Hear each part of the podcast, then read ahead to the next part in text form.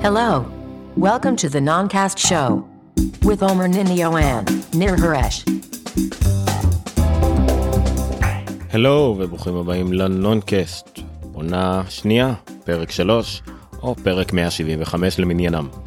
השבוע זה לא בדיוק אה, פרק רגיל, אה, בשל אה, אי יכולת להקליט השבוע החלטנו להעלות פרק מהעבר, והפעם פרק מלפני בדיוק 4 שנים, פרק בו דיברנו בהרחבה על ביטקוין, משהו כמעט שעה אני חושב, אז אנחנו נשדר את זה מחדש עכשיו, פרק 27 של הנונקאסט מה-20 לדצמבר 2013, ומקווים שתהנו, מבטיחים לחזור שבוע הבא או אפילו לפני כן עם נושא חדש מרכזי ועוד כל מיני חדשות, בינתיים תהנו, אז בואו נתחיל לפני שיהיה מאוחר, אבל מה אכפת לכם? אני כבר לא ב live.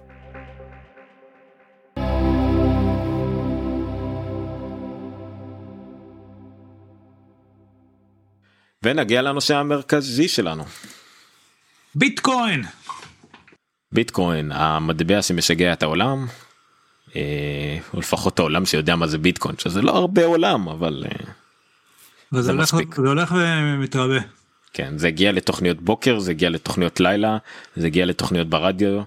אה, נראה לי שזה אני לא יודע אבל אם זה הגיע נגיד ל Saturday Night Live מצד אחד וארץ נהדרת מצד שני אז זהו זה מיינסטרים ובהחלט הגיע הזמן לעשות סדר בדברים. אה, אני יכול להגיד לך שכמות האנשים שדיברו איתי על זה בינואר שנה שעברה כאילו בינואר לפני שנה או בדצמבר שנה שעברה לפני שנה מהיום היו באמת האקסטרה טורבו גיקים זה היה איזה משהו אזוטרי לחלוטין, אתה יודע, וגם הערך שלו היה ככה. במהלך השנה האחרונה עבר על ביטקוין משהו מאוד משמעותי. יש כל מיני סיבות, אולי תכף ניכנס לזה, והערך שלו עלה בצורה דרמטית. אמ, גם תכף ניכנס למספרים האלה, ולכן הוא הפך להיות איזשהו פתאום ערוץ השקעה אופציונלי מאוד מאוד מעניין. זאת אומרת כל דבר שעלה לא יודע מ-10 דולר לאלף דולר תוך שנה אז הוא נהיה מעניין. זהו. זה אופציונלי. אני חושב על החשש הוא בדיוק זה האם הוא נהיה מעניין כי הוא נהיה אפיק השקעה כולל אה, מיליארדרים שאת אה, אה, השקיעו בדוט קום בשנות שנות ה-90 כי זה היה מגניב וזה עולה ואנחנו ניפול באותה צורה או שזה באמת משהו שה... השימושיות שלו משתווה להייפ של הערוץ ההשקעתי הזה שאתה אומר. טוב אני, אני מאוד התלבטתי איך לתקוף את הדבר הזה. אה, אני רק אגיד לך מילה אחת ואז אני אלך על איך שאני רציתי ללכת. אה, תתייחס לזה פחות או יותר נגיד פחות כמו דולר או שקל נגיד אלא יותר קצת כמו זהב.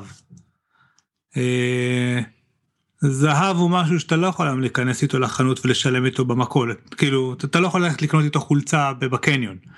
אבל זה לא אומר שאין לו ערך הוא סחורה שאתה קונה. אגב גם תירס הסחורה הזאת היא מאוד יקרה או, או לפחות אה, הבורסה של תירס מאוד פעילה. אתה קונה זהב לצורך העניין או נפט הערך שלו עולה או יורד וכדי לממש אותו אתה צריך למכור אותו אחר כך באיזושהי בורסה גם כן לקחת את הכסף ולקנות איתו. הסטטוס של ביטקוין הוא קצת יותר טוב משל זהב. אתה נכון היום כן צריך לעשות איזושהי קנייה של ביטקוין של תכף נדבר מה זה ואתה כן יכול לשלם עם ביטקוין ישירות כבר במעט מקומות היום. זה אומר שזה קצת יותר טוב מזהב אבל ברוב המקרים אתה פשוט באיזשהו שלב עלה כסף עלה הערך ירד הערך אתה תממש את זה תהפוך את זה חזרה לכסף ועם הכסף הזה תלך לקנות כאילו זאת אומרת זה יותר כמו השקעה כרגע באיזושהי סחורה מאשר מטבע אבל בפועל הוא כן אמור להפוך למטבע יותר לגיטימי ואז כן יהיה אפשר לשלם איתו במקומות כשכבר היום אפשר פיצה אה, באיזשהו שלב קיבלו או עדיין מקבלים ביטקוין אה, בתי קפה בכל מיני מקומות בברלין אתרים וזה זאת אומרת הוא נהיה כבר משהו שאפשר ממש לשלם איתו דברים. שמתי בלינק שאתה יכול לקנות טסלה. בדיוק, ביטקוין ולהיות ופשוט ואתה מקבל יחד עם זה תעודת כבוד של אה, מגה אובר גיק. כן, מטורף. השילוב של השילוב של טסלה וביטקוין זה באמת הצומת של כל הגיקיות בעולם. זה איך קוראים לזה הסינגולריות. כן, בדיוק. אז, אז כדי להבין מה זה ביטקוין באמת אם הוא מטבע או סחורה או זה אז קודם כל אני חושב שצריך להבין מה זה מטבע. כי בסופו של דבר גם מטבע הוא נראה לנו נורא טריוויאלי כי הוא חלק מהחיים שלנו מההתחלה, אבל uh, הוא לא כזה טריוויאלי. ומה שאני הולך לעשות עכשיו זה יכול להוריד אותנו מהאינטרנט באיזשהו שלב, אבל אני הולך לקחת, אני המלצתי בעבר על ספר שנקרא קיצור תולדות האנושות שכתב יובל נוח הררי. אה. ורציתי בהתחלה לצטט קטע מהספר הזה, אבל בגלל שילוב של נסיבות שהוא, אה, העובדה שאני על סף אה, הפרעות קשב ויש לי עוין, אני לא יודע בדיוק, אבל פשוט קשה לי לקרוא, אין לי כוח לקרוא, אז אני שומע הכל באודיו, אז אני לא אצטט, אני פשוט אשמיע לכם את החלק שאני רוצה מהאודיובוק. אה, דקה אחת, ואז כאילו משם נמשיך ככה לגזור עוד כמה דברים. רגע. איך עושים כסף?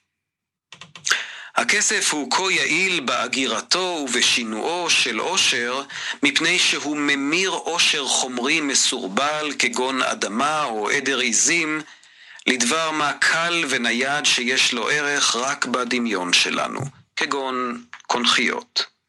יוצא מזה שבניגוד לדעות קדומות נפוצות, כסף הינו הדבר הרוחני ביותר בעולם. כסף הופך חומר לרוח. אבל מדוע זה מצליח? איך ייתכן שמישהו יסכים לתת שדות ועיזים תמורת קונכיות? מדוע אדם מוכן לעבוד בפרך חודש שלם תמורת כמה חתיכות נייר מצוירות?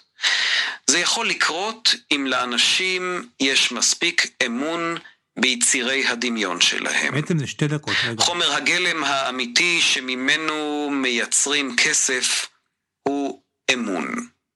מי שנותן משהו בעל ערך תמורת כסף, חייב להאמין שכאשר הוא ירצה בעתיד לקנות משהו אחר בעל ערך תמורת הכסף הזה, המוכר העתידי יסכים לכך. טוב, הוא קצת משעמם, עדיף לשמוע את זה ב-X2, אז, אה, אבל בקיצור מה שהוא אומר זה דבר כזה, היום הכסף שאנחנו מחזיקים ביד הוא כלום, הוא נייר, או חתיכת מתכת. אה, היה שלב בעבר שכדי לבנות את האמון בכסף, ביססו אותו על איזושהי סחורה שיש לה ערך ממשי. לצורך העניין, כאילו הכסף הראשון בעולם היה כנראה אה, שעורה. היית יכול לקנות בכמות כזאת וכזאת של שעורה, כך וכך סחורה אחרת, כאשר השעורה עצמה היה לה איזשהו ערך, היית יכול לעשות ממנה אוכל באיזשהו שלב. אבל זה לא היה, זה עדיין, זה לא היה שחר חליפין, זה היה רמה אחת מעל שחר חליפין, רק המטבע שהיה עובר לשוחר היה משהו אחד קבוע שנקרא שעורה, זה נכון, לא היה... נכון, נכון, נכון. אוקיי. אתה היית מקבל שעורה ואחר כך עם השעורה הזאת היית הולך ומחליף את זה כאילו לוקח זה היה כסף ממש אתה יודע בכוס של שעורה היית המחיר של לא יודע הפוך המחיר של של של נעליים היה כוס של שעורה והמחיר של חולצה היה שלוש כוסות של שעורה סתם משהו כזה זה היה ממש מטבע אבל הוא לא היה סתם מטבע, אלא היה מגובה באיזה משהו שיש לו ערך אמיתי עבור בני אדם. הבעיה בשעורה הייתה באמת שמאוד היה, הוא דיבר על זה, הנושא של לשנע בקלות ובזול, הוא נושא מאוד משמעותי בכסף. זאת אומרת, אני לא יכול באיזשהו שלב אני מגיע לזה שיש לי 400 שקי שעורה, וזה פשוט בלאגן להחזיק אותם. אז, אז באיזשהו שלב לאט לאט עברו למשהו ש... לקונכיות או דברים כאלה, שזה משהו שקצת יותר קל לשנע אותם ויותר זולים. אבל באותה מידה לקחו, אתה יודע, נתנו מחיר עכשיו לנעליים זה שתי קונכיות ולחולצה זה ארבע קונכיות. שלקונכייה עצמה בשלב הזה כבר אין שום ערך אמיתי עבור הבן אדם, הוא לא יכול לעשות איתו שום דבר. כל המחיר שלה הוא קונכייה. אה, כאילו זאת אומרת כל המהות שלה זה שבסך הכל קונכייה אבל מבחינת שנינו אנחנו מבינים שיש לה איזשהו ערך אה, תיאורטי וירטואלי כזה שאנחנו מאמינים בו. אה, בדרך לקונכיות או קצת לא הפוך, קצת אחרי הקונכיות היה מטבעות.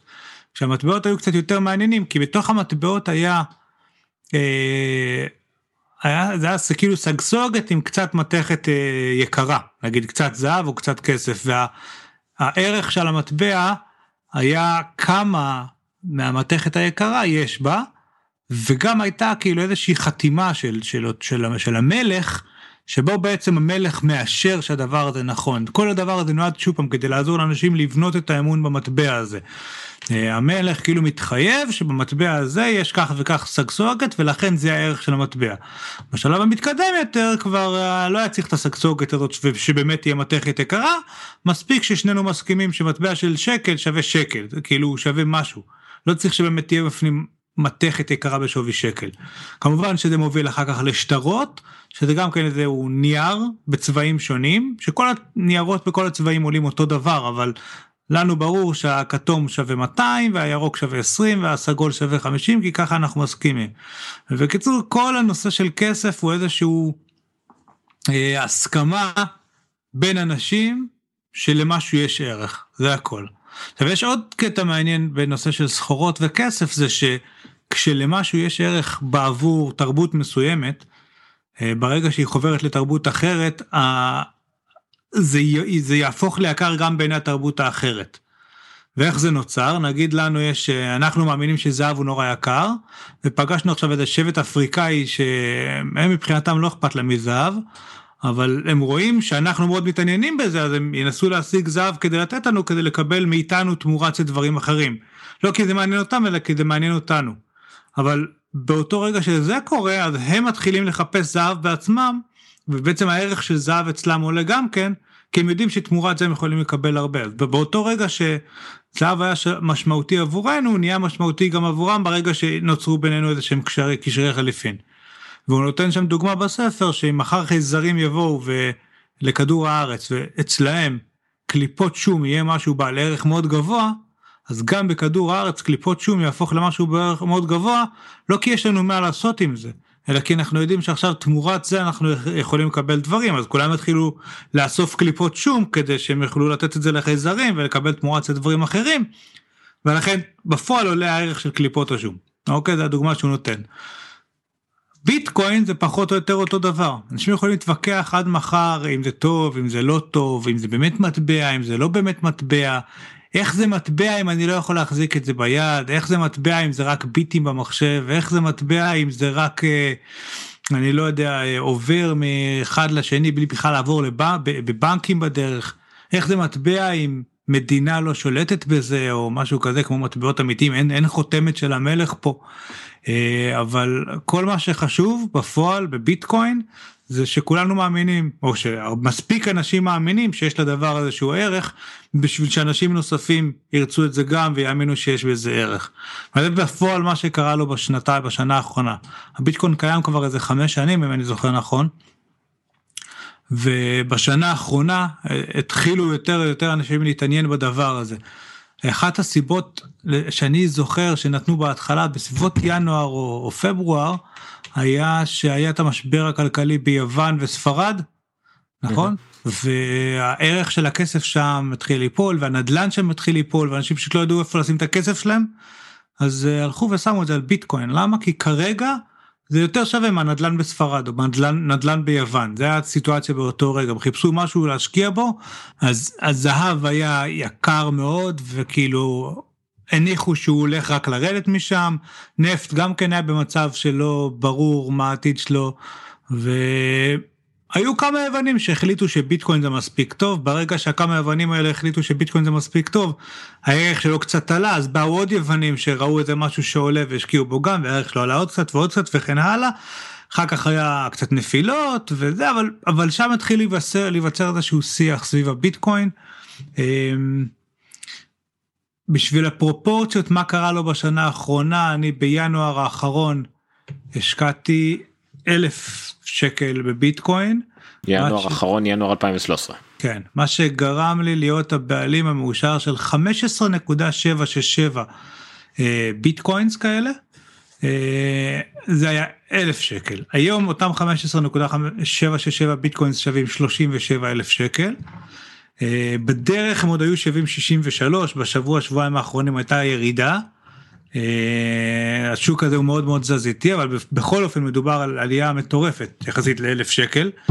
אה, אף אחד לא יודע מה יהיה עם זה כן זה, זה, זה קצת כמו כל שוק הנדל"ן בארץ אף אחד לא כל כך יודע איפה הוא יהיה את חמש שנים יש ספוקולציות כאלה ואחרות יכול להיות שירד יכול להיות שיעלה.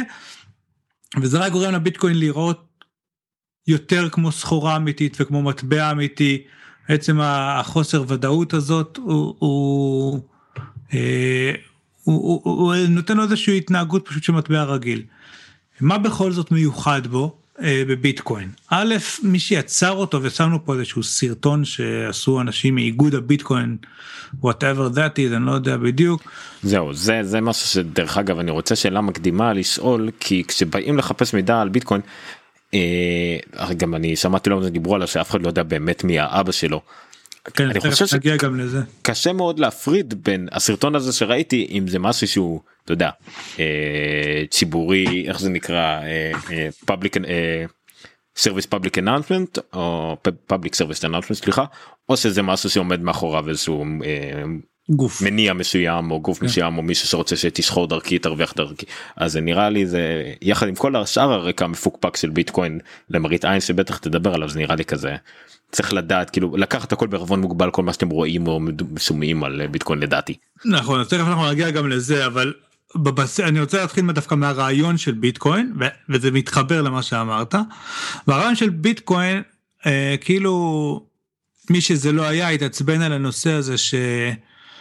המטבעות שיש לנו היום עוברות מניפולציות על ידי ממשלות. זאת אומרת, יש סיפור מאוד מפורסם על ממשלת גרמניה, שבסוף מלחמת העולם הראשונה, נדמה לי, קיבלה אה, קנס של מה, מה, מהעולם, לא יודע בדיוק ממי, אה, של מיליארדי אה, או מיליוני אה, מרקים גרמנים, אה, ומה שהם עשו באותו רגע היה כמובן להדפיס המון המון המון המון מרקים, להוריד את הערך של המרק הגרמני לקרשים, ובעצם הם הפכו אותו לחסר ערך, שילמו את הקנס שהם קיבלו ונגמר הסיפור בלי שבעצם הפסידו, לא עלה להם יותר מדי הדבר הזה.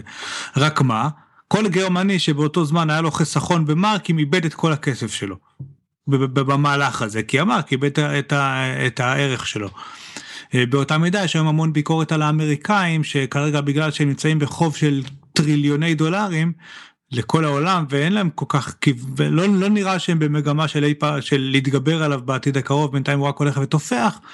גם הם קצת מדפ, מדפיסים הרבה יותר מדי הרבה יותר דולרים ממה שהם אמורים להדפיס אני לא בדיוק אני לא, לא הולך להיכנס לכל המדיניות המוניטרית של ארה"ב אבל השורה התחתונה היא שממשלות שולטות לנו בכסף ואם הן מקבלות החלטות לא טובות ומדפיסות כסף החלטות כן טובות הן משחקות לנו בכסף שלנו.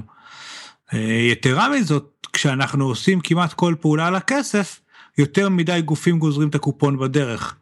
אה, חברות אשראי, בנקים, אה, אני משלם עמלות לכל כך הרבה אנשים על כל פעולה שאני עושה, ש, שגם בנושא הזה, אם אני רוצה עכשיו להעביר כסף לעומר, אני בדרך משלם לבנק על העברה בנקאית קצת, לא יודע, זה יכול להיות שקל, זה יכול להיות 40 שקל עם הסכום גדול, וזה יכול להיות הרבה יותר, תלוי מה הסכום, אבל ככה או ככה הבנק על, על שורת קוד במחשב, כי בואו נזכור שבאמת כמה שאנחנו אומרים כסף הוא דבר מאוד מוחשי, שטרות, מטבעות וזה בפועל, כשאני עכשיו משלם באשראי וכשאני משלם, עושה העברה בנקאית, אני לא רואה שום, שום מטבע ב, ב, ב, בכל הנושא הזה, זה שורת אה, קוד או איזושהי פעולה דיגיטלית לחלוטין שקורית רק בעולם המחשבים ו- ולא שום טרנזקציה אמיתית של כסף לא קורית בעקבותיה בדרך כלל אלא אחר כך תהיה תנועה הפוכה מהכיוון השני והם יקזזו את זה וכן הלאה, אבל זה קצת כמו ביטקוין, הכל קורה באיזושהי רשת והכל קורה במחשבים והכל קורה בביטים. אמ, אז אותם אנשים התעצבנו על המדיניות הזאת ואמרו אנחנו לא רוצים שזה יהיה ככה, מה שאנחנו נעשה זה מטבע שקודם כל יהיה אנונימי, אף אחד לא ידע מי אני, מה אני, ולכן לא יוכלו עכשיו uh, לעקוב אחרי מה שאני עושה ולחייב אותי בכל מיני דברים, נותן לי קצת פרטיות בעולם הזה שבו האח הגדול כל הזמן עוקב אחריי. אה, זה דבר אחד. הדבר השני שהמטבע הזה יהיה אה, ישיר, אני יכול להעביר אותו מאחד לשני.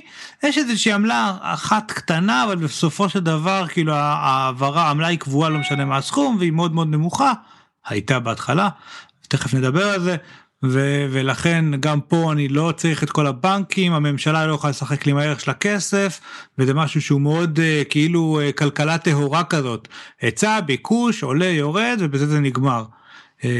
וכמובן שהמטבע הזה הוא גם וירטואלי אין צורך באמת היום בברזלים בכיסים זה קצת פרימיטיבי ברזלים וניירות בכיס כדי להוכיח שהדבר הזה באמת קיים כשבפועל כשאני קונה אוטו כשאני קונה דירה כשאני קונה לא יודע כל הדברים המהותיים בחיים שלי שום ברזל ושום נייר פה לא מחליף ידיים.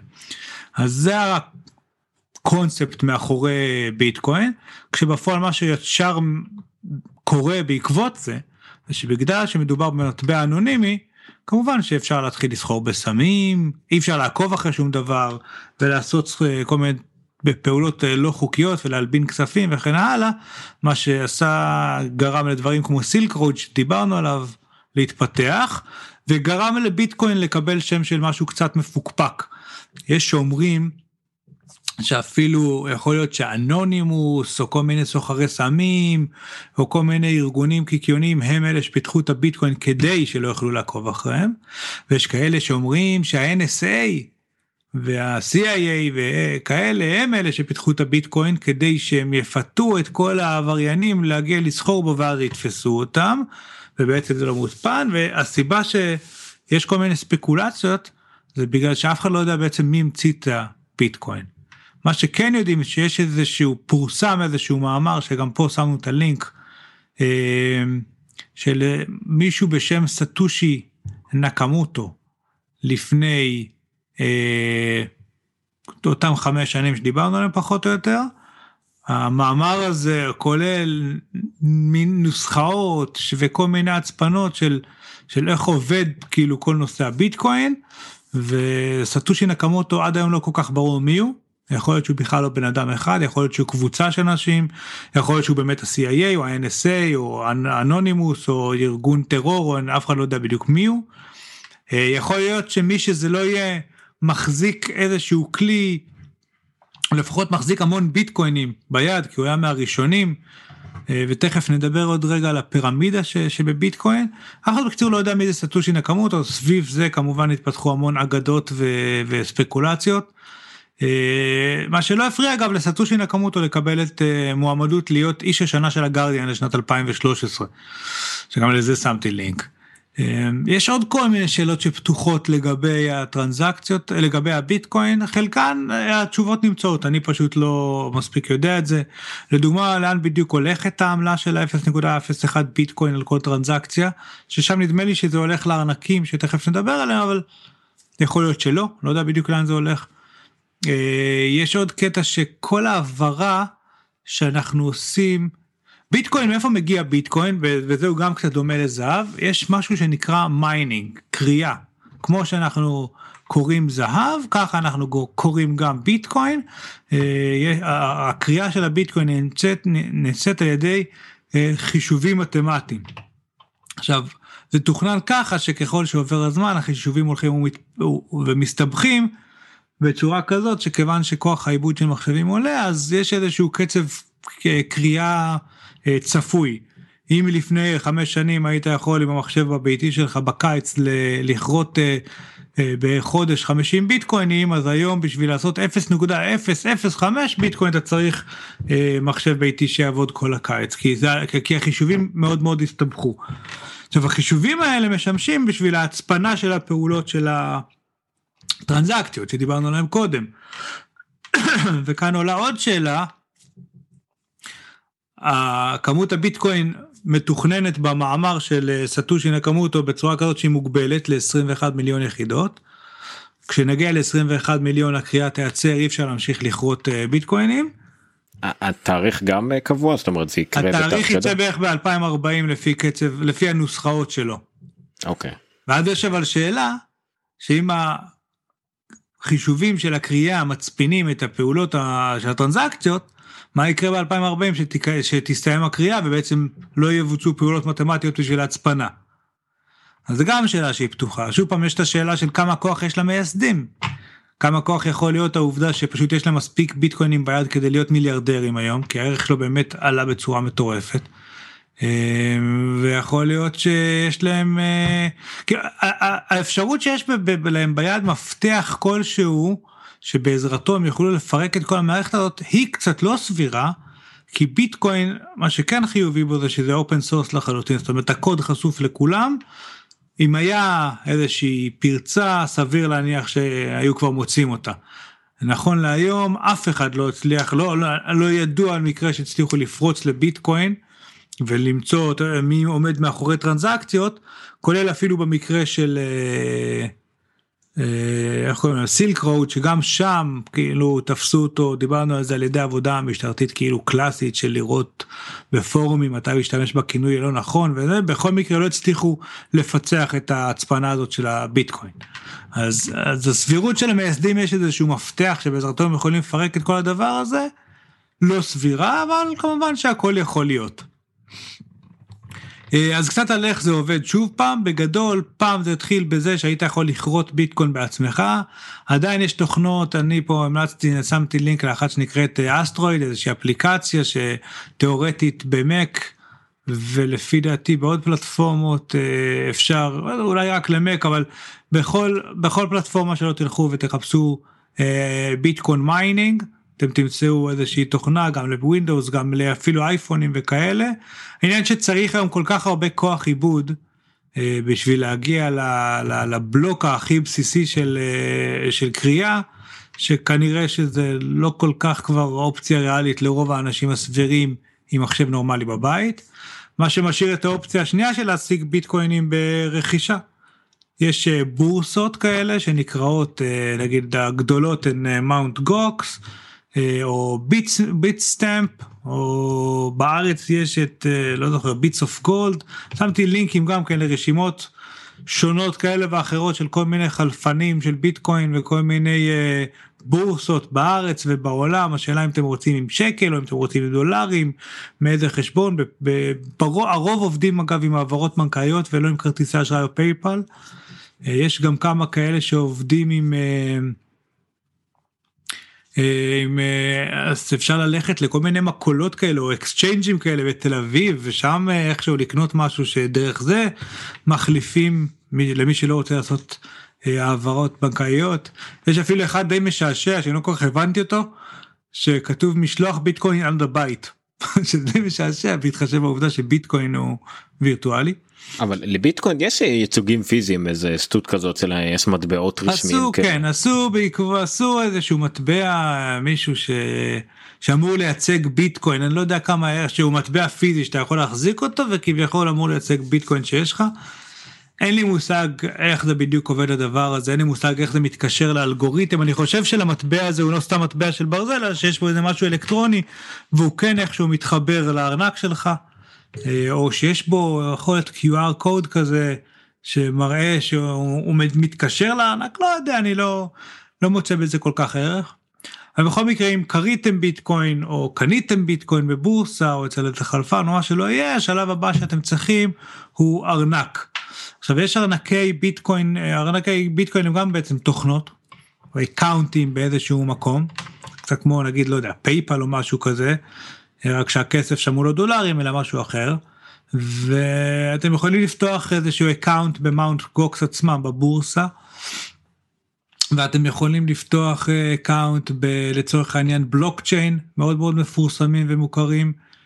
אמ, ויש פה עוד אחד ששמתי, מה זה היה? יש בקיצור רשימה של ארנקי ביטקוין כאלה, שהארנק הוא בעצם איזשהו מקום שבו רשום זה ה-ID שלך, זה ה-ID שכשאנחנו עושים העברה בנקאית אני נותן אותו למישהו והוא, אם, אם הוא יכתוב העברה מה-ID שלו ל-ID שלי, אז ככה ביצענו את העברה בלי שמות, בלי שום דבר, וגם רשום אצלהם ב account הווירטואלי הזה שעכשיו אני מחזיק ב-ID הזה כך וכך ביטקוינים. יש גם לבלוקשיין נגיד אפליקציה לאייפון, ויש עוד ארנקים אחרים, אני משתמש ספציפית בבלוקצ'יין, אה, לא יודע למה, פשוט כי הוא הכי גדול וה, וההיגיון שלי אמר שהכי גדול סביר להניח שבדקו אותו הכי הרבה חנונים וכנראה שיש הכי סיכוי, סיכוי הכי קטן שיש פה איזשהם פרצות או שהוא מזויף כי, כי אם הייתה איתו איזושהי בעייתיות כבר היו מפרסמים את זה איפשהו. למרות שיכול להיות שזה גם כן bullshit. אגב, אני קניתי את הביטקוינים שלי בארץ, אצל איזה מישהו בארץ שכבר אני חושב שלא פעיל יותר, קוראים להם ביטקוין co.il או משהו כזה, אני חושב שהם כבר לא פעילים יותר, לא יודע למה. אבל Bits of Gold הוא מישהו ששמעתי עליו דברים טובים, בארץ גם כן. אמ, עכשיו מה שעוד מעניין זה שביטקוין לא לבד ברגע שהדבר הזה קצת הצליח ישר קמו לו אלטרנטיבות אחרות. Uh, המוכר יש גם פה לינק לרשימה של אלטרנטיבות שיש את ניים קוין ופי קוין ובטה קוין ואנו קוין ופניקס קוין ופדר קוין ומלא כאלה. אבל העיקריים והמוכרים באמת זה ביטקוין ולייטקוין אני חושב אלה כבר אתרים שאתה בטח אפילו נגיד לפיירט ביי והם מבקשים תרומות בשני המטבעות האלה. יש מטבעות אה, אחרים וירטואליים כמו קיוביק וטיימקוין וכאלה שהם פחות או יותר מתים כבר כאילו זה עלה וירד יש מטבעות הבטה קוין הוא חדש יחסית. כל יש שם ברשימה סטטוסים של במי כאילו קצת נותנים איזה שהוא כיוון במי להשקיע או במי לא. כרגע נראה שמי שרוצה להיכנס בקטן עדיף לו ללכת על הלייטקוין. הוא נהיה מספיק מיינסטרימי כמו הביטקוין אבל אה, עדיין הערך שלו הוא שפוי יותר. בשביל לקנות ביטקוין אחד היום צריך לשלם 700 דולר שזה uh, כמעט אלפ... כמה זה 1500 3000 שקל. 750 דולר אז uh, והוא היה כבר ב-1125 דולר אז זה קצת קשה אולי להשקיע השקעה ראשונית בביטקוין אז אפשר להיכנס ללייטקוין. עוד פעם הלייטקוין אני איבדתי קצת הוא אחר. אחר לגמרי אחר פשוט אותו אותו קונספט אבל אחר כמו שאתה יכול ללכת אז... להשקיע בדולר או ביורו הוא אחר. אז יכול להיות ש, שנגיע לעולם בו יש לנו אה, שתי מטבעות וירטואליים ונגיד זה זה המטבע הבינלאומי זה ואז אה, אה, איך זה עובד הרי כרגע היחס שערים בין מד... בין אה, דולר לאירו מתבסס על הסחר בין שתי מדינות על פני סחר מול מדינות אחרות זה פתאום נראה לי בעולם אוניברסלי שבו יש שתי מטבעות אוניברסליים. היחס ביניהם איך הוא נקבע זה, זה פשוט יהיה כמו שאמרנו זה כאילו הכוח נראה לי של מטבע של הכסף הישן בגלל שהוא רגולטרי אה, נכון שהוא נתון אולי לאיזה גחמות של איזה אינפלציה מטורפת כמו שהייתה בארץ ב-83 או בהחלטות של שליטים כמו בגרמניה ו- ו- וכדומה. אבל ברוב הזמן יש בו היגיון מאוד ברור מסוים לגבי זה שזה הכל קיים בתוך מדינה הכל מכיל את עצמו והכל מול מדינה אחרת שמכילה את עצמה ופתאום ממטבע אוניברסלי זה לגמרי הפך להיות עניין אה, ספק, אה, ספקול, ספקולציוני כאילו זה הכל. אה, דווקא אולי שוב אולי זה סתם בגלל שזה אנחנו פוחדים לעבור מתן לי עז אני אתן לך גמל לתן לי שעורה אולי זה אותו שלב בדיוק של אה, מעבר. ואל תשכח אבל... שיש גם אני כבר לא זוכר איך קוראים לזה זה הנוסטרו יכול להיות שאני מתבלבל אבל יש שוק שלם נגיד שבעולם הבנקאי הרגיל שבו אתה סוחר בהפרשים שבין הערך של אה, נגיד אתה הולך ליורו ויורו היום מול דולר הוא כזה. זה יש איזשהו יחס ביניהם ויורו מול ין הוא משהו אחר ונוצר הפרש בעצם ביחס שבין היין לדולר בעקבות ין ליורו נגיד בעקבות ההפרשים מול הדולר זאת אומרת יש עולם שלם של סיבוכיות גם בעושר המטבעות שיש היום בעולם. כן. אה, זה סיבוכות דווקא שלי למשל אישית תמיד אה, התעניינתי בה כי למשל אנחנו רואים היחס מול הדולר לשקל ואנחנו רואים שעכשיו איזה אה, הדולר יורד כביכול. מצד שני אבל זה רק אנחנו זה רק השקל מול הדולר שלנו לך תדע מה קורה ב... במדינה אחרת ואז אתה רק אתה צריך להשוות אז את השקל מול דולר ושקל מול דולר קנדי ואז רק לדעת שאוקיי זה לא רק מולנו שזה יורד. דברים כאלה אבל לא יודע מה שאני יודע זה שאפשר לקנות היום ביטקוין נגיד לייטקוין בביטקוין. זאת אומרת הבורסה מטפלת גם ביחס שביניהם זה אחד. שתיים אני יודע שכמו אה, כמו שלזהב נגיד בבורסות שונות יש מחיר מעט שונה, אז גם ב... כאילו ב... אם אתה הולך ל Mount Gox שהיא בורסה אחת ואתה הולך ל Bitstamp שהיא בורסה אחרת, אז אה, ב Mount Gox עכשיו הוא 725 דולר וב Bitstamp הוא 691 דולר, אתה רואה שזה מספיק קרוב אבל זה טיפה שונה.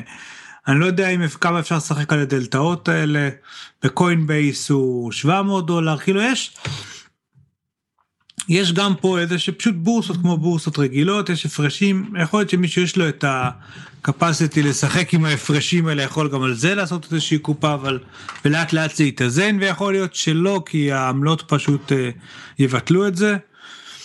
Uh, מה שכן, שוב פעם, אה, ככל שעובר הזמן הביטקוין מקבל עוד קורים עוד ועוד דברים שנותנים לביטקוין מעמד של מטבע לגיטימי או לפחות משהו שיש לו ערך אמיתי בעולם. אה, לדוגמה כשה-FBI תפסו את סילק רוד הם לקחו את הביטקוינים של סילק רוד כבר היה להם את הסיסמאות אז לא היה להם בעיה להגיע אליהם והם שמרו אותם. כמו שהם מתנהגים לכסף אמיתי שהם עושים כשהם תופסים איזשהו נגיד מאפיה או משהו. אה, לשמור את הכסף אומר שביניהם יש לדבר הזה ערך ואם יש לו ערך אז בסוף התהליך או שהם אה, אני לא זוכר כבר מה התהליכים יכולים או לחלק אותו לציבור או למכור אותו להפיץ אותו משהו כזה אני לא זוכר הם מחויבים לעשות עם כסף שהם תפסו משהו יש חוק והם פועלים עם הביטקוינים על פי החוק שכמו שהם פועלים עם דולרים מבחינתם אין הבדל בכלל אז כבר אם ה-FBI מתייחס לזה כמו אל כסף אז זה נתן איזושהי לגיטימציה. אמ, היו גנבות של ביטקוין שיש אנשים שהסתכלו על זה כאל משהו ש... מוריד כאילו מהלגיטימיות של המוצר או של, ה, או של הביטקוין אה, אבל בפועל אם, אם מישהו הלך ו, ו, ותכנן שוד ביטקוין מתוחכם ועשה סושיאל uh, מניפוליישן כזה אתה יודע ששכנע מישהו לתת את הפרטים שלו כדי לגנוב ממנו את הביטקוין ודברים כאלה. שוב פעם זה אומר שיש מאחורי הדבר הזה איזשהו ערך. יש שאומרים שכמו שאמרת קודם, אני לא יודע אם העתיד יהיה שני מטבעות וירטואליים שונים, יכול להיות שהעתיד יהיה מטבע אחר, שלישי או רביעי או חמישי, שכל פעם תהיה עוד איטרציה שילמדו מהטעויות של המטבע הקודם, ולאט לאט לאט זה, זה, זה יתכנס לכדי מטבע שהוא כבר נקי מרוב הטעויות נגיד שיש בביטקוין. נגיד אחד הדברים הבעייתיים בביטקוין זה שאם עשית אה, העברה למישהו, אה, וטעית נגיד ב-ID שלו, וצריך לזכור שה-ID פה זה 17 אלף אה, ספרות שם. זה הש מי שמכיר זה ממש כמו איזה מה זה היה אבל כאילו שבאחד הסרטונים הסבירו מה זה בעצם מה הופך להיות ההש כאילו. אה, אני לא זוכר. שכחתי זה זה כאילו ההש הזה זה הסוג של השם שלך המיקום שלך והזמן שלך יחידניים בעולם לא יכול להיות עוד קוד כזה כי הוא לא יכול להיווצר עוד פעם קוד כזה. כן. משהו כזה. וזה משהו שמתווסף בסוף לזה 30 או 40 אני חושב אה, סימנים או משהו כזה. זה, זה, זה, זה, זה זה משהו מאוד מורכב. אבל אם טעית באחד מהם והכסף עבר לחשבון הלא נכון, לעשות אנדו לדבר הזה זה מאוד מסובך. מאוד מאוד מאוד מאוד מאוד מסובך. שזה נגיד משהו שבפייפל או בכרטיס אשראי אנחנו יכולים לבטל בקלות. אז יש שאומרים שזה חלק מהבאגים נגיד של ביטקוין שלא חשבו עליהם ולא טיפלו בהם כמו שצריך ויכול להיות שבמטבע הבא תהיה דרך לפתור את זה. אגב בפועל כשמבצעים העברה לוקח קצת זמן עד שהיא מאושרת עד שהדבר הזה טופל על שוב פעם ההצפנות והכל ולכן כן יש אפשרות לעשות איזשהו סוג של אנדו אבל אני אמליץ לכם תעשו קופי פייסט של ה-ID כשאתם עושים את זה בצורה כזאת שלא תתבלבלו כי כי אני שמעתי מקרים שזה ממש בעייתי לעשות את האנדו הזה. אמ, מה עוד? אה, אני אישית מכל העניין של הביטקוין זה זה דבר שמאוד קשה תפיסתית. זה אני משווה את זה גם כששואלים אותי אז מה זה ביטקוין? כולל מישהי אה, מהמשפחה שיש לה תואר שלישי במדעי המחשב והיא בכירה מאוד בזה והיא מבינה. מה? מה זה? למה מה עכשיו זה כאילו זה גם האנשים המתקדמים וגם האנשים המאוד אה, אה, פתוחים במוח טכנולוגי מאוד קשה לקלוט את זה כי זה באותה מידה אה, לאלף אלפי הבדלות כמו אה, להבין את, אה, אה, את הקוורקים את תיאוריות הקוורקים תיאוריות חלקת קוונטים. אני אגיד לך לא בדיוק כי לפי לדעתי לפחות כי בסופו של דבר שוב פעם התחלנו מלהסביר מה זה כסף ולהבין שגם הכסף שלנו מתייחסים אליו בסך הכל איזושהי אמונה משותפת של כולנו. אין ערך אמיתי לנייר הזה שאתה מחזיק ביד חוץ מהעובדה ששנינו מאמינים שהוא 200 שקל.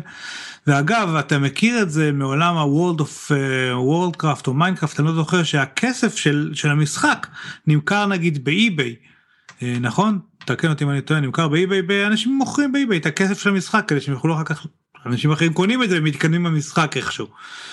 או כל מיני דברים כאלה. זה סחורה שיש לה כסף זה הכל זה, זה משהו שיש לו ערך והביטקוין הזה אז אתה יכול הוא, אתה יכול לקרוא לו מטבע אתה יכול לקרוא לו סחורה אתה יכול להשוות אותו לדולר אתה יכול להשוות אותו לזהב הוא האמת איפה שהוא כנראה באמצע אבל בפועל אין כל כך הבדל בינו לבין כל הכסף שאנחנו מתעסקים היום גם מבחינת זה שמושפע מביקושים היצע וביקוש גם מבחינת זה שרוב הפעולות הבנקאיות שאנחנו עושים היום הם העברה דיגיטלית של משהו ברשת ולא מעבר לזה. זאת אומרת, ובסך הוא מטבע, הוא זה, הוא כאילו זה, זה, זה מה שזה. הוא חדש אבל והוא לא שייך לאף מדינה זה קצת uh, מוזר ובאופן כללי כל דבר חדש אנחנו קצת חושבים בו אבל uh, ככל הנראה אם לא זה אז זה שאחריו אם לא זה אז זה שאחריו בסוף כנראה נעבוד עם משהו שיותר דומה לביטקוין אני חושב מאשר למשהו שממשלות יכולות לשחק איתו. כן. אני זוכר שסוואטס החברת שעונים ניסתה לעשות אינטרנט uh, טיים. נכון עם האלף אה, יחידות אה, נכון שהיו כן, נראה לי זה היה בהשראת גם הסטאר דייט של סטארטרק כן כן. משהו הזוי כזה. אבל כן יש נורא צורך אה, לקחת את הגלובליזציה צד אחד קדימה כי זה מצחיק כי מצד אחד כמעט רוב התומכים של ביטקוין הם המתנגדים הגדולים של גלובליזציה אבל אני חושב שזה נכון שזה צעד מאוד חשוב בגלובליזציה תכלס אז כאילו זה, זה סותר אבל זה לא סותר זה כאילו זה להתמודד עם גלובליזציה ב, בכלים שלה כאילו להילחם באש באש. אמ, אבל זה, זה, זה קשה לתפישה. תשמע, הקונספט של זהב הוא קשה לתפישה. העובדה שבפורקנוקס אה, ובניו יורק יש כאילו כמויות עצומות של זהב שאין להם שום מטרה נכון זהב זה אחלה חומר והוא מאוד חשוב להמון תהליכים אה, בכימיה ובמדע ובהכל אבל תכלס הוא לא כל כך מה שתפשו ממנו. אה, אז אני אגיד לך שתי אנקדוטות מעניינות שפה צריך גם כן לזכור.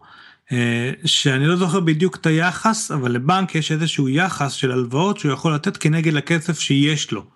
כן. ואני חושב שהיחס הזה הוא פי 10 או משהו כזה זאת אומרת אם הוא מחזיק בבנק אה, זהב בשווי מיליון שקל מותר לו לתת עד עשרה מיליון שקל הלוואות. אוקיי? רק מראה לך שלתשעה מיליון שקל אין שום גיבוי בזהב. הם, הם לא וגם וגם מלכתחילה. אנשים וימשכו את העשרה את העשרה ירצו למשוך את העשרה מיליון שקל האלה אין אותם הם לא קיימים. נכון וזה קונספט שתמיד לדעתי האנשים שכאילו או שפחות מבינים באיך זה עובד או שהתפיסה שלהם על זה היא מאוד פשטנית באמת יגידו אז זה אומר שהכל יכול להתמוטט ברגע אם כולם החליטו להוציא את הכסף אבל לא המדינה יודעת לגבות את עצמה דברים האלה. נכון ארה"ב קרובה לזה אבל גם היא עוד תדע איך להתמודד עם זה. אז זה, זה לא כל כך אה, שחור ולבן אבל אבל כן זה זה כל הקונספט הזה של בנקאות הוא הזוי לגמרי זה אין ספק. כן. אבל בסדר אני המשכתי לדבר. קיצור כל הקונספט של בנקאות הוא הזוי לגמרי בקטע. רגע רגע היה עוד דוגמה מאוד יפה על אלומיניום. אלומיניום. אה, מספר גם כן יובל נוח הררי שנפוליאון השלישי בתקופתו האלומיניום היה מתכת מאוד נדירה ויקרה. והכלי אוכל הכי שווים שלו, אלה לאורחים הבאמת מיוחדים אצלו, היו עשויים מאלומיניום, והאורחים הקצת פחות שווים קיבלו את הכלי אוכל מזהב. ואתה יודע, מעט מאוד זמן אחר כך הייתה את ההתפתחות הטכנולוגית שאפשרה להפיק אלומיניום בצורה ממש זולה וזמינה, והוא איבד את כל הערך שלו. אז באותה מידה אתה יודע יכול להיות שמחר מישהו יצליח לעשות לייצר זהב בצורה תעשייתית וגם הוא יאבד את הערך שלו זה או שימצאו כוכב אני לא יודע שהוא מפוצץ ביהלומים והם יאבדו את הערך שלהם. אז כן אבל שמע יהלומים כבר אנחנו יודעים לייצר אה, זהב כבר לא צריך לרוב התהליכים דווקא סיליקון אנחנו פתאום צריכים יותר או השד יודע מה אנחנו. לא יש כל מיני מחצבים הייתה את הכתבה שדיברנו שבוע שעבר אני חושב. לא לפני כן. או לפני כן על 52 חומרים שיש בטלפונים חכמים שמתוכם 12 לא רואים שיש להם תחליף נכון משהו כזה אמרנו. כן. אז שוב אז הערך שלהם עכשיו עולה עד שתמצא להם תחליף עד שתלמד לייצר אותם ולכן אתה יודע, באיזשהו מקום ביטקוין גם כן יכול להיות שיקרה משהו שיפרק אותו אבל הנה כאמור גם לזהב יכול להיות שיקרה משהו שיפרק אותו וגם למרק גרמני יכול להיות שיקרה משהו שיפרק אותו.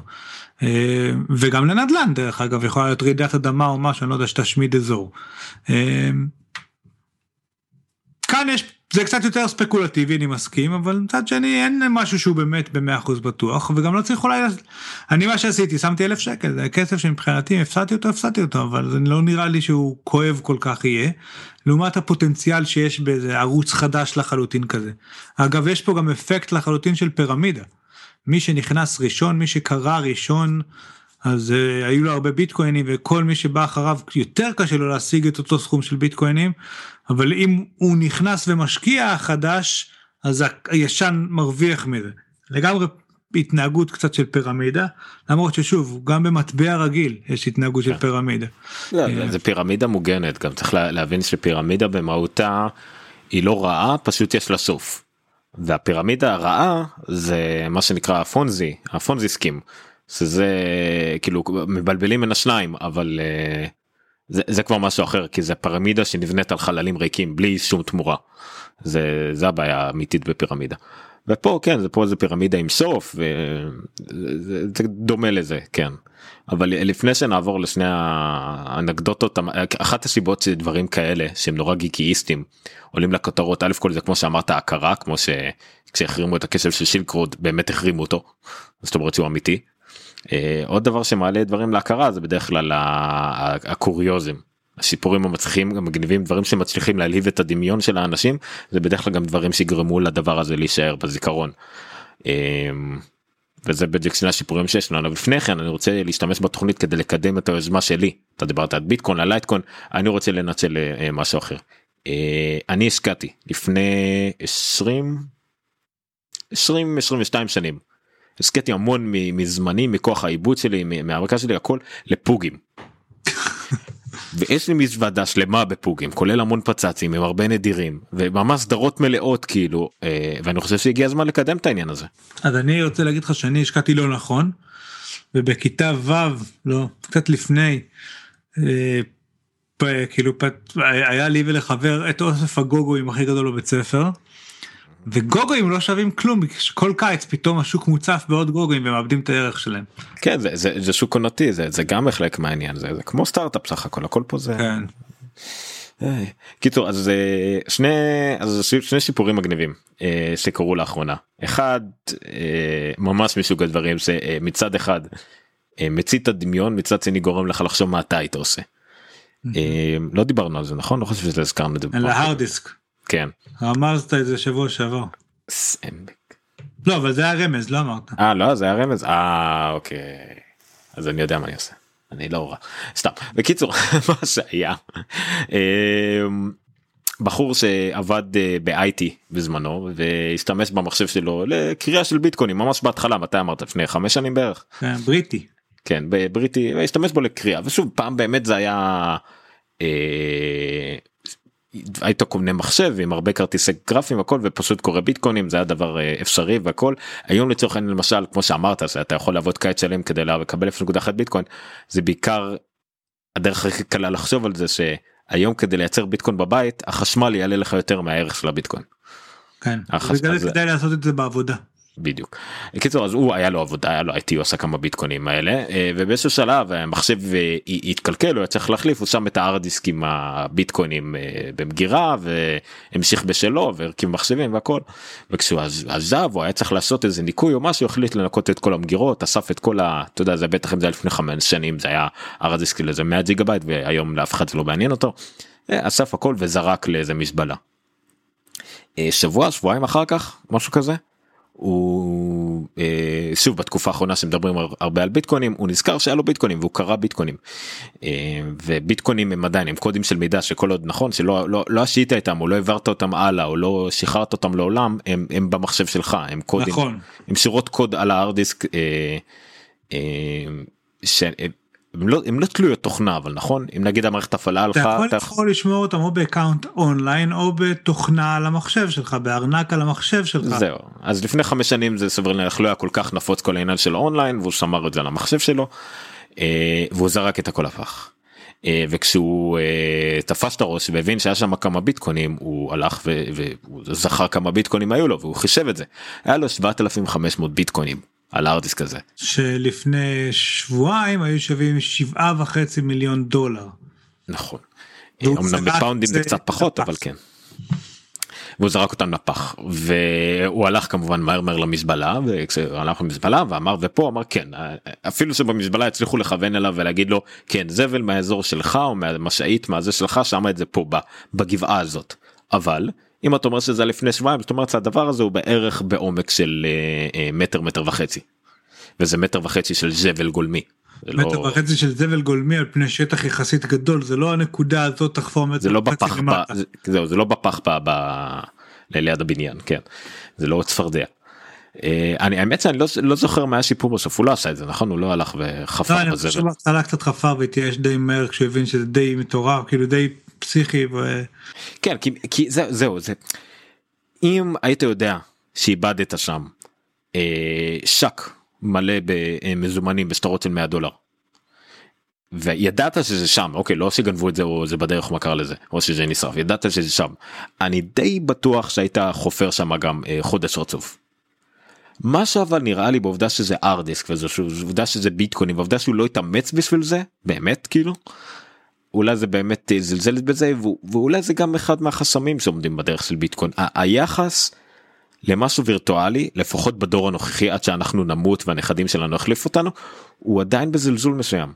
ואנחנו רואים את זה גם באנשים עם כרטיסי אשראי שמבחינתם זה לא כסף. אוקיי וזה החל מפייפלים ודילים ואתה קונה קופון בדיל וזה עלה לך ואתה הולך עם נייר אבל בפועל אתה הוצאת על זה כסף שזה עבד. אז אולי זה גם משהו תפיסתי שהוא כרגע מאוד חסם בלהתייחס לזה ברצינות הדור מעלינו וגם אנחנו עם כל כמה שאנחנו חושבים שאנחנו מתקדמים התפיסה הזאת קשה לנו. וגם אני חושב שגם כל אלה שאנחנו שומעים אותם בחדשות ואתה יודע מתראיינים בצינור לילה בחצות אה, נו איך קוראים לזה לילה כלכלי וכל מיני כאלה והם נורא מתלהבים כל הצעירים. אני לא בטוח ש- שאנחנו יכולים לתפוס את זה אני אולי ילדים שלנו ואולי הנכדים שלנו יצליחו סוף סוף לתפוס את העניין הזה לנו זה עדיין קשה ונראה לי ימשיך להיות קשה. קיצור שבעה וחצי מיליון דולר במזבלה בעומק מטר מטר וחצי מה אתם עושים? זה גם. האנקדוטה השנייה? כן זהו אם אתה יודע על זה יותר ממני אני אשמח כי אני רק בעיקר קראתי את הכותרת. מה שאני מכיר זה גם את הכותרת פחות או יותר שלפני גם כמה זה שבוע שבועיים אמ, מישהו הלך לקנות טסלה ששווה טסלה S שווה 103 103 אלף דולר. זה המאובזרת מאוד. כן כן כן. והוא במקום זה שילם ב-91.4 מטבעות ביטקוין. ושוב פעם אם קודם דיברנו על ביצוע רכישה בכסף הזה הנה טסלה קיבלה את הכסף הזה בתור 100 אלף דולר בעסקה של 100 אלף דולר. אה, שזה שוב פעם עוד קצת לגיטימציה למטבע למרות שאילון מאסק א' יכול לספוג את זה וב' גם הוא אה, איש טכנולוגי גיק כזה אז אם הוא לא יאמין בביטקוין מי, מי יאמין. אה, אבל שוב עוד, עוד קצת לגיטימציה לדבר הזה בעקבות הרכישה הזאת עוד עשרה מתעניינים ברכב כאילו בטסלה בביטקוין הגיעו. זאת אומרת כבר הולכות להיות כנראה עוד עסקאות כאלה וזה עוד לגיטימציה למטבע הזה. זהו מעניין מעניין לראות מה יהיה איתו.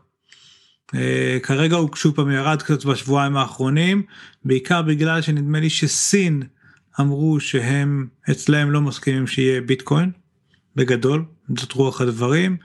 לעומת זאת גרמניה כן וכל כל יומיים יש איזה מדינה אחרת שמגיבה איכשהו לביטקוין הם לא כל כך יודעים איך לאכול אותו. Uh, המערכות הבנקאיות קצת מפחדות ממנו אפילו. אז uh, נשאר נותר רק לראות uh, איך זה יתקדם. אוקיי, עד כאן הנונקאסט, עונה שנייה, פרק שלישי, שהוא בעצם שידור חוזר של פרק 27, שהיה בכלל לפני בדיוק 4 שנים. מקווה שהבנתם את הרעיון. ביטקוין, הנושא החם של לפני 4 שנים, הוא הנושא החם גם היום. בינתיים אתם מוזמנים לבקר אותנו בנונקאסט.רפי.מדיה שם תמצאו את כל הפרטים, כל הכישורים, כל המידע שצריך וכל הדרכים להירשם אלינו כמובן. הנונקאסט בפייסבוק זה ערוץ uh, שאנחנו הכי הרבה משקיעים בו בפרסום הלאה, הכי הרבה לייקים וכדומה. ספרו לפחות לשני חברים על הפודקאסט הטכנולוגי הנפלא הזה, לדעתנו לפחות, uh, וככה נוכל להחזיר את הפודקאסט לגדולתו. תודה רבה, לילה טוב ונתראה בפרקים הבאים.